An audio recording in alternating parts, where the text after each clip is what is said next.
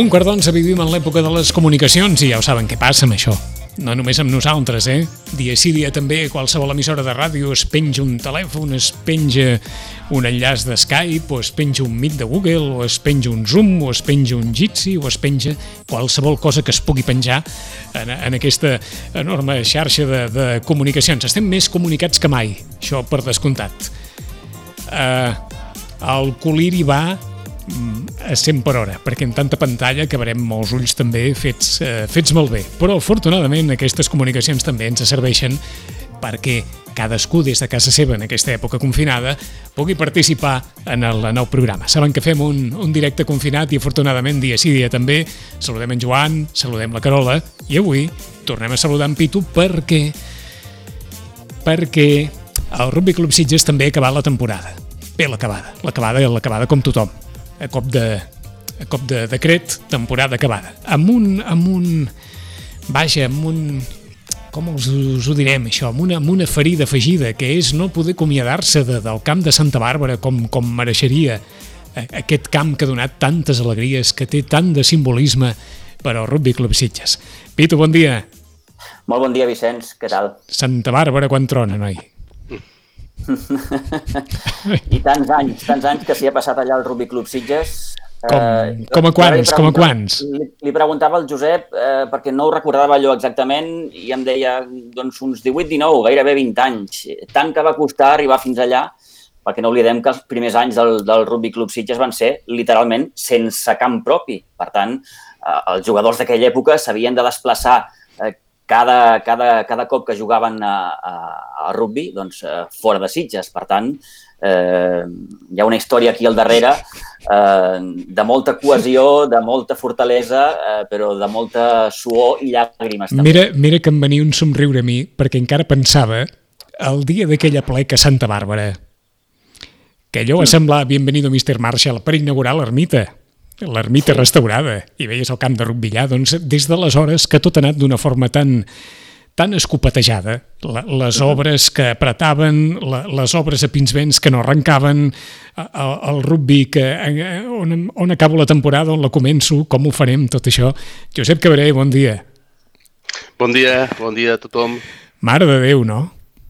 Hòstia, ha sigut una època convulsa i complicada. Sí, ara, ara estava parlant aquí abans amb en Pitu, dic, hòstia, és que eh, d'un dia a l'altre ha desaparegut el camp. O sigui, nosaltres aquí, com que som uns romàntics, eh, ara que ens han desconfinat una miqueta, anem per allà, hem passant cada dia, veiem, i hòstia, un dia d'aquests ens el fotran al carrer, però bueno, anem a mirar-lo cada dia a veure com és, i de sobte, d'un dia a l'altre, ja no n'hi ha. O sigui, ara, ja no ara, ja, ara ja no n'hi ha? Ja no hi ha camp. Ja, o sigui, ja ha passat la màquina pel mig del camp, han tirat els pals i ja hi ha un carrer. bueno, encara no hi ha el carrer, però ja, han sí. fet la, ja ha passat la màquina, s'ha arrencat la gespa i dius, hòstia. dic, això va ser d'un dia per l'altre, dius, eh, tanta feina, jo recordo... És que aquests dies et ve, com fas una mica de flashback des de que teníem el camp de sorra al començament que la Junta en aquell moment va haver de demanar un préstec per poder fer el camp, van patint com a cabrons, i perdoneu l'expressió, per poder pagar allò i barallant-se a partir d'un espai. Quan teníem la sorra al començament pensàvem que estàvem al paradís perquè ja teníem un lloc on estava Sitges. Després va venir el plan Zapatero, ens van posar la herba i un camp d'entreno, llavors ja era el luxe màxim. Després amb el pla participatiu ens van posar els vestuaris, dius, bueno, ara ja estem, i de sobte veus que tot això que ha anat passant, hem anat evolucionant, sí que últimament s'està una mica degradat, però no deixa de ser casa teva. I de sobte veus que ja no tens casa. Sigui, veus que està, està l'altre en construcció, però és aquell moment que dius encara, encara no, no tens on anar i ja has de sortir d'on estàs. A nivell mental és un tema complicat, complicat, complicat. Sabem que estem allà, sabem que l'Ajuntament ens ha garantit el camp, el veiem a les obres també.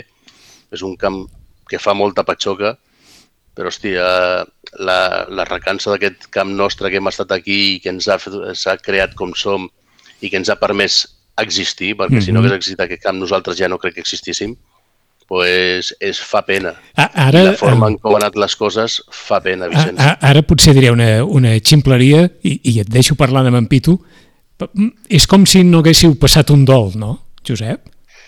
Eh, pues potser tens raó. O sigui, a veure, hi haurà un dol, ara estem, eh, encara no, o sigui, ara perdó, perdó la l'estació, però s'ha mort el camp eh, eh, sí, i ara sí. començarem a passar el dol. Ara Eh? és quan comença aquest fer flashback, comences a pensar, comences a, a recordar les coses i dius, hòstia, tot el que hem passat Mhm. aquí i s'ha acabat de sobte. Eh, I una qüestió afegida, els mòduls, hi ha quedat alguna cosa? Teníeu alguna cosa allà o, o havíeu pogut treure tot? Eh, heu, a l'Ajuntament s'ha anat avisant, o sigui, hem anat, tenim comunicació regular amb l'Ajuntament, eh, hem pogut treure tot, però bueno, encara tenim el nostre material, tenim un parell de contenidors que queden per allà al mig, clar, perquè nosaltres no tenim massa material, perquè no som un club ric, però ens, el material d'entreno i cert material el tenim allà, i bé, haurem d'esperar a que estigui el camp fet, que hi hagi el magatzem per poder-lo desplaçar. Ah Pitu, Però tu bé, de mateix. moment, de moment encara tenim el suport de l'Ajuntament i sembla ser que tot va, segons el pla previst, per estar llest al setembre. Vinga, veure si és així. Pitu, Gràcies, Vicenç. I ara? Bon dia. Bé, doncs, Josep, ho has explicat clarament en la teva introducció, no? No, no he pogut tenir temps de- de- de- d'acomiadar-vos de, de, de Santa Bàrbara. Teníeu previst fer-hi alguna cosa? Sí, a veure, nosaltres eh, aquest any teníem previst fer una festa final de temporada que la volíem fer coincidir amb el final del camp. O sigui, un petit homenatge a l'espai que ens ha acollit durant tants anys. A veure, no, encara no havíem definit, estàvem parlant, teníem diverses idees, com que encara no era una cosa imminent en el moment que ho estàvem pensant, abans del confinament, no li havien encara donat la forma definitiva, però sí, nosaltres teníem previst fer una festa d'acomiadament, que ja no podrà ser, entre altres coses perquè ja no hi ha camp. Sí. Eh, De fet, de, una, una, una part important d'aquesta festa és que volíem fer l'última barbacoa. quantes i quantes barbacoes s'han fet allà, no, Josep? Déu-n'hi-do, i Déu-n'hi-do. quan contents hem deixat els nostres equips eh, rivals donant-los eh, de menjar bé i acollint-los allà al nostre camp. O sigui, els equips contraris estaven encantats de venir a un espai com el nostre i mira que és un espai modest, però nosaltres els hem acollit sempre, els hem fet una barbacoa. És... Ha sigut un club que ha acollit molt bé a l'equip rival. Eh, Tenia una mística, no, Santa Bàrbara? És a dir, eh, tot i que eh, un tenia aquella sensació que quan, quan, quan, quan entrava allà dius, ostres, mm, eh, quin camp, no?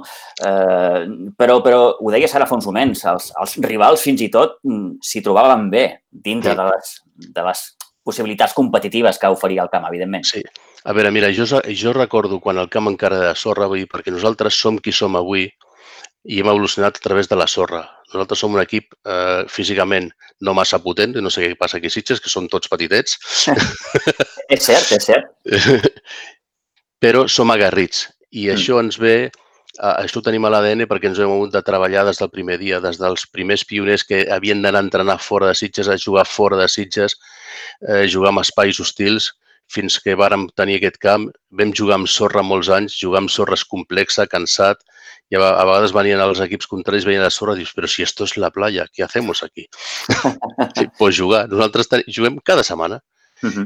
i, i ens hem hagut d'esforçar molt i això ens ha donat el nostre tarannà com a equip i com a, i com a club. I sí, té una mística, de, perquè hem sabut d'un espai que no tenia gran cosa fer-lo una... un- Perdona. És la feina. La feina, la feina. Eh, l'he- L'hem fet un espai eh, que ha sigut molt acollidor per tothom, per nosaltres. Inclús tenim allà aquell trosset on fem eh, les reunions, a les festes, als dinars, sopars, i hem donat eh, un caliu que ens ha fet que sigui casa nostra. O sigui, el més important és que ens sentim que és casa nostra i ens ha acollit com casa nostra.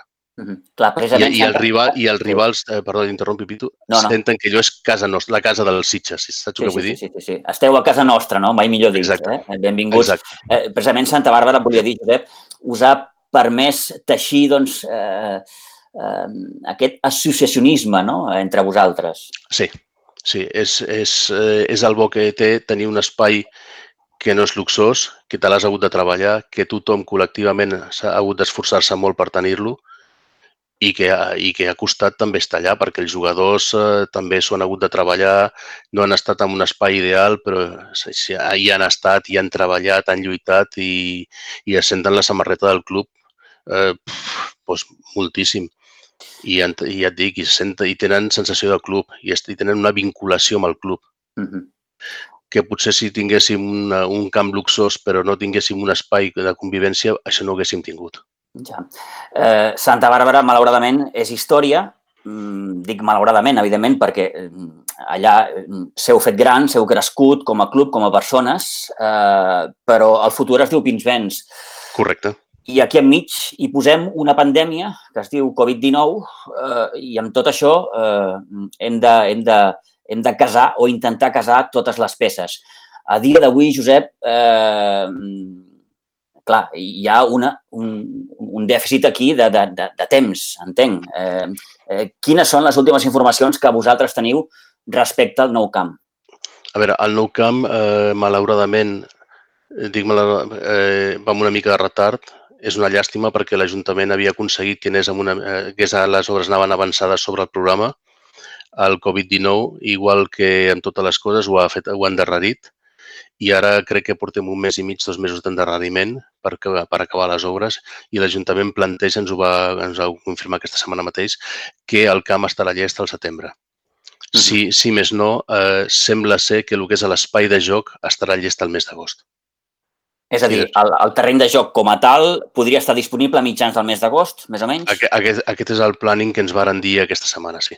Uh -huh. Llavors, eh, a veure, en funció de com evolucioni el tema de la pandèmia, eh, de l'estat d'alarma, del que puguem fer, de quina fase estem, de què ens permetin fer, potser ja podíem arribar a entrenar a partir del mes d'agost amb les mesures de seguretat que hi hagi aplicables en aquell moment. Suposo que amb espais, amb, sense aglomeracions, potser sense fer servir vestuaris, etc, però que ens permeti ja començar a moure la, la pretemporada. Clar, aquí hi ha un problema afegit, Josep, que és que mm, gairebé ningú sap com i quan començarà la temporada que ve.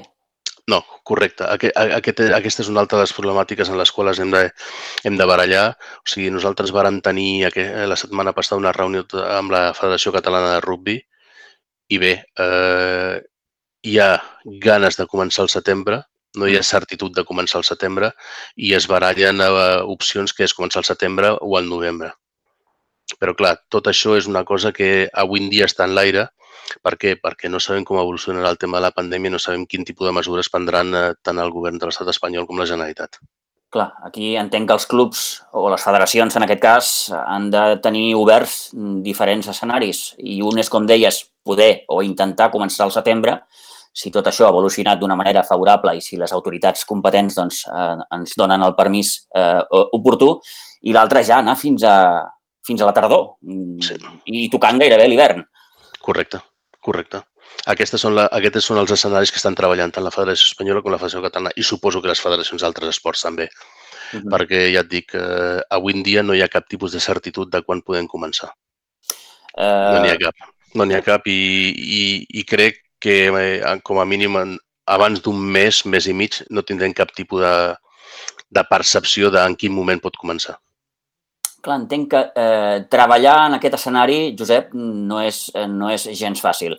Ara estem parlant del món de l'esport, evidentment, però això, evidentment, és extrapolable a la resta de, de, de, d'àmbits de, de, de la societat, les feines, eh, en fi, etc etc, les escoles, eh, però ja que, que, que, que parlem estrictament del món de l'esport, clar, per vosaltres com a club, eh, ara mateix, eh, què, què, què es pot fer? Eh, nosaltres ara el que estem treballant és fent la planificació de la temporada propera amb l'escenari de poder començar al setembre. Uh -huh. Per què? Perquè seria l'escenari més plausible. Llavors, si després, amb el decurs de, de, dels propers eh, setmanes, mesos, eh, l'escenari canvia, doncs ens haurem d'adaptar. Però nosaltres hem de treballar amb, la, amb, amb, amb, amb vistes a el mes proper, que és el mes de setembre i intentar ja eh, treballar, tenir assignats entrenadors, eh, franges horaris d'entrenament, tot això ho tindrem preparat per eh, un potencial eh, enegament de la temporada al mes de setembre. Uh -huh. Si després eh, la federació o, o, o, qui, o qui sigui que, de, que al final reguli això eh, diu que no serà al setembre, que serà al novembre, doncs ja ens intentarem adaptar i, i fer algun gir de, de timó en funció de, de la, la normativa que hi hagi en aquell moment i de les possibilitats que hi hagin en funció del grau de confinament que tinguem. Uh -huh.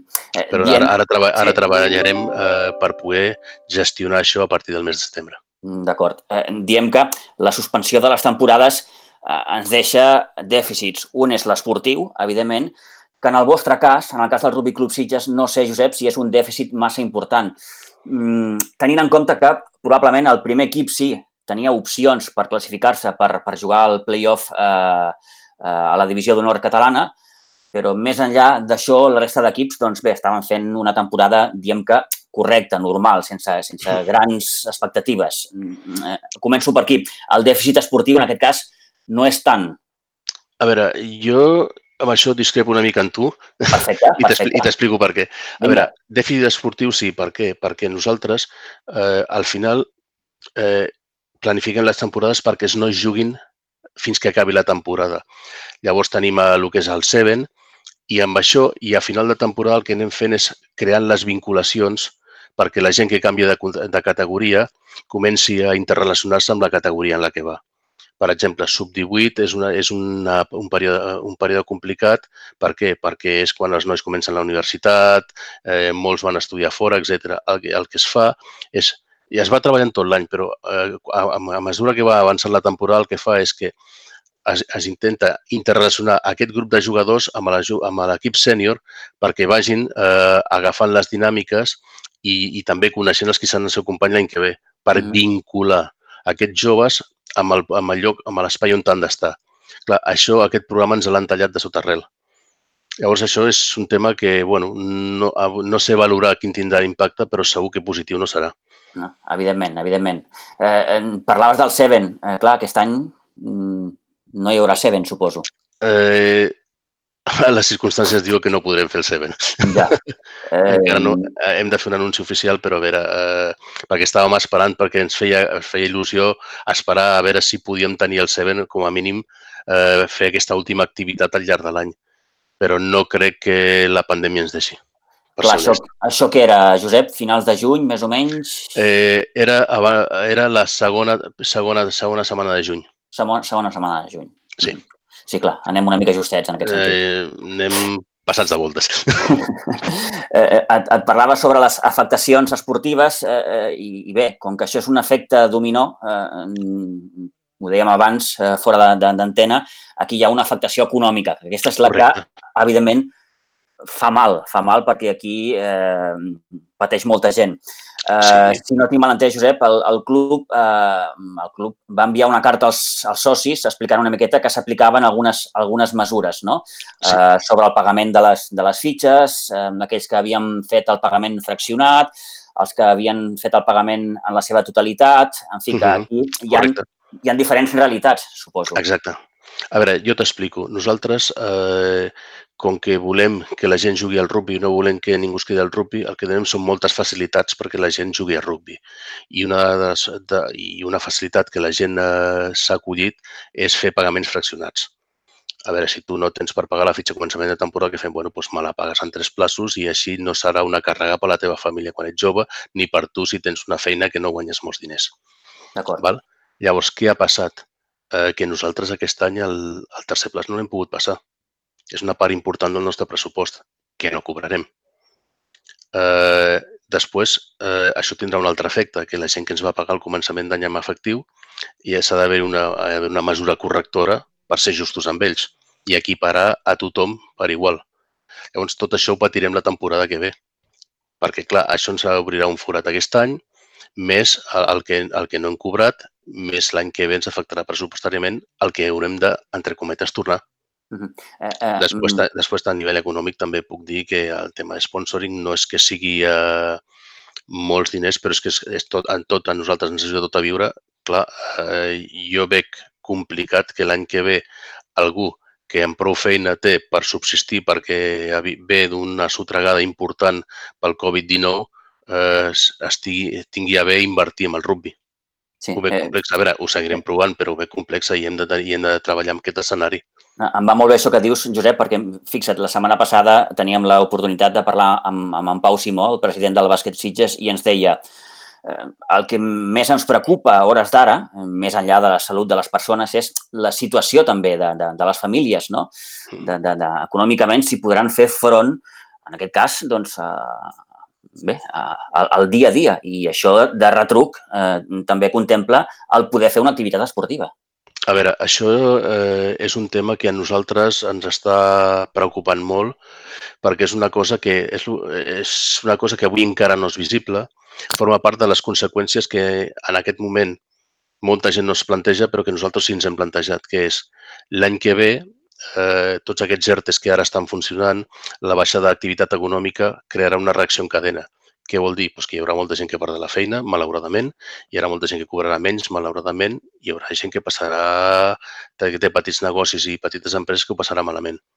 Llavors, eh, tenim la por, l'angoixa i el neguit de que l'esport, i et parlo de l'esport perquè és una cosa que he parlat amb altra gent d'altres esports, no sigui la prioritat per a les famílies, el qual mm. eh, hasta cert punt és eh, comprensible i que no tinguin diners perquè els seus fills facin esport o ells mateixos estiguin a l'atur i amb la subsidi d'atur no doni per pagar la fitxa del rugby. Llavors, nosaltres ens estem molt angoixats saber com ens afectarà perquè som incapaços avui en dia de valorar-ho, però que tindrà una afectació segur. Uh -huh. Llavors, nosaltres som un club que sempre ha intentat que ningú es quedi sense jugar a rugby si vol jugar a rugby. I hem creat ajudes amb gent. I l'any que ve seguim intentant-ho, però clar, l'any que ve ens serà molt complicat perquè haurem de lidiar amb el factor que és la, el decreixement d'ingressos, per lo que t'he dit que hem de tornar, decreixement d'ingressos perquè no hi haurà cap tipus de sponsoring i, i després ja veurem com reacciona tot el tema de jugadors amb el tema de, de la crisi econòmica. Nosaltres intentarem ajudar a tothom, però crec que aquí ens caldrà no sols el Rugby Club Sitges, sinó a la major part de clubs de Sitges eh, cert ajut per part dels estaments municipals. Clar, clar. Per, perquè ningú es quedi sense fer esport. Ara t'ho anava a dir, aquí el paper de les administracions eh, serà, serà clau serà clau, serà fonamental, uh -huh. perquè, eh, a veure, nosaltres tenim una crisi econòmica. Està molt bé que preservem la, moltes coses que l'Ajuntament ha de preservar, però una cosa molt important és que els nois facin esport, perquè el fer esport eh, els hi crea una cultura d'esport, els hi crea una cultura de salut que d'altra forma no hi serà i Sitges és un poble una mica complexa. Jo porto 58 anys aquí i ho conec perfectament perquè, com, com li dic al meu fill, jo ara sóc vell però he sigut jove també. Clar, clar. Llavors, eh, si creem i mantenim aquesta cultura d'esport amb els jovents, sempre és més saludable per tots i el poble se'n beneficia. Llavors ens caldrà a tots els clubs eh, cert ajut per part de les entitats municipals. Mm -hmm. Perquè ja et dic que eh, és molt complexa la situació que ens ve, molt complexa. És, és curiós, eh? eh hauríem d'estar mm, contents, feliços, perquè estreneu nova casa i malauradament ens trobem amb aquesta, amb aquesta pandèmia que, que, que, que ens ho ha tirat tot per terra. Sí, a veure, contents estem, eh? no ens equivoquem. O sigui, sí, sí, sí, sí. però però hem d'estar contents per un cantó, però hem d'estar preocupats per altres cantons i per altres aspectes. O sigui, ens preocupa, ens preocupa que la gent estigui bé, òbviament, dir, perquè és un tema que és obvi, però després ens preocupa també que puguem eh, garantir que els, que els nois puguin fer rugby. Eh, rugby i eh, suposo que els, el president del bàsquet va dir el mateix. Ell, ell el que vol és preservar que els nois juguin a bàsquet. Per què? Perquè al final eh, nosaltres els estem donant una opció que si no els hi donem nosaltres no els hi donarà ningú. Uh -huh. I perquè la gent, per fer esport, se'ls han d'obrir espais per fer esport, se'ls ha, se d'acollir amb entitats i se'ls ha de vincular amb entitats perquè puguin continuar fent esport. I clar, això es pot fer mentre hi hagin recursos econòmics. I l'any que ve, ja et dic, eh, Pitu, serà complicat però no per nosaltres, serà complicat a nivell general. Per tothom, per tothom. Sí. Eh, Josep, gairebé per anar acabant, eh, avui estem parlant amb tu, que ets el president, però evidentment al Rugby Club Sitges hi ha, hi ha, hi ha molta més gent. Eh, suposo que eh, esteu en contacte permanent, Josep, amb la gent de, del, del club, entrenadors, jugadors... Sí, sí, sí. Com, com esteu tots? A veure, eh, ara encara estem una mica de baixón pel tema del camp. Ja. Però bé, a veure, la gent està il·lusionada moderadament il·lusionada. Perquè, clar, nosaltres, i no nosaltres sols a nivell de Junta o jo de president, sinó tothom és conscient de la situació en què estem. I, bueno, i estan intentant, jo, per exemple, els entrenadors estan intentant vincular a la gent, eh, tenir-la enganxada, eh, crear aquesta sinergia que fa que quan si té un dubte vingui i pregunti, escolta, no tinc diners o no puc fer esport o el que sigui. Llavors, el que ja et dic, estem il·lusionats i, I a veure, i això ens ajudarà al tenir la casa nova que dèiem abans. Sí. Però ja et dic, eh, hi ha unes variables que avui en dia, Pitu, són difícilment eh, estimables uh -huh. i que ens afectarà, però no sabem com. És una miqueta el que dèiem, no? Eh, com tots els processos, hi ha un, un principi i, i normalment hi ha un final. En el cas que ens ocupa, el final no es veu. I, Hòstia, i, això, sigut... i, i això ens engotxa a tots, Josep. Sí, ens engueix una miqueta. Ara, també et dic una cosa, nosaltres hi posem tot l'esforç i tota la il·lusió i tota l'energia que calgui. No nosaltres, com a, jo com a president, la Junta, els entrenadors, delegats, tothom que està aquí al club hi posarà tot el que calgui posar-hi. El que passa que, torno a repetir, dir, hi ha certes variables que són avui en dia intratables, perquè no sabem com tractar-les, perquè no sabem com aniran. Mm. Allò de la incertesa que dèiem abans. Correcte, eh? Correcte. Que és, que és una paraula que s'està fent servir molt aquests últims dies o aquestes Hòstia, últimes no l'havíem fet servir massa, estava quasi esborrada del diccionari i ara és sí. de plena actualitat. Eh, quantes i quantes paraules eh, eh, hem afegit al nostre diccionari personal i vital, gairebé diria, eh, que, que gairebé no les, no les utilitzàvem. En fi, Josep, doncs, agraïts de, de, de poder compartir aquests minuts eh, amb tu. Mm, t'ho agraeixo especialment perquè eh, t'hem robat eh, un, un temps de la teva feina, però repeteixo, moltes gràcies per haver-nos atès i encantat, encantat de parlar amb vosaltres i estic a la vostra disposició quan vulgueu. Molt bé, doncs, escolta'm, eh, intentarem saludar-nos. Sí, sí. Eh, eh, que, que, que teletreballa? Sí. Sí. sí. I no n'estàs i no tip de teletreballar, Josep? Uh, o a veure... Hosti, estic, tra estic treballant més que mai. part, jo tinc un, proble un problema a la feina que jo tinc relació amb Extrem Orient al matí i amb Estats Units a la tarda. Uau. I aquí a casa se m'estiren a les jornades que... Pff, com un xiclet. I, o sigui, jo, de fet, ja enyoro tornar a treballar per, per no fer tantes hores. Eh, eh, I a l'extrem orient estan tan preocupats com nosaltres o ja no? Ara estan més tranquils. Ara estan més tranquils. Encara, encara que encara, encara queden coses per allà. I els Estats Units estan més preocupats que nosaltres o no?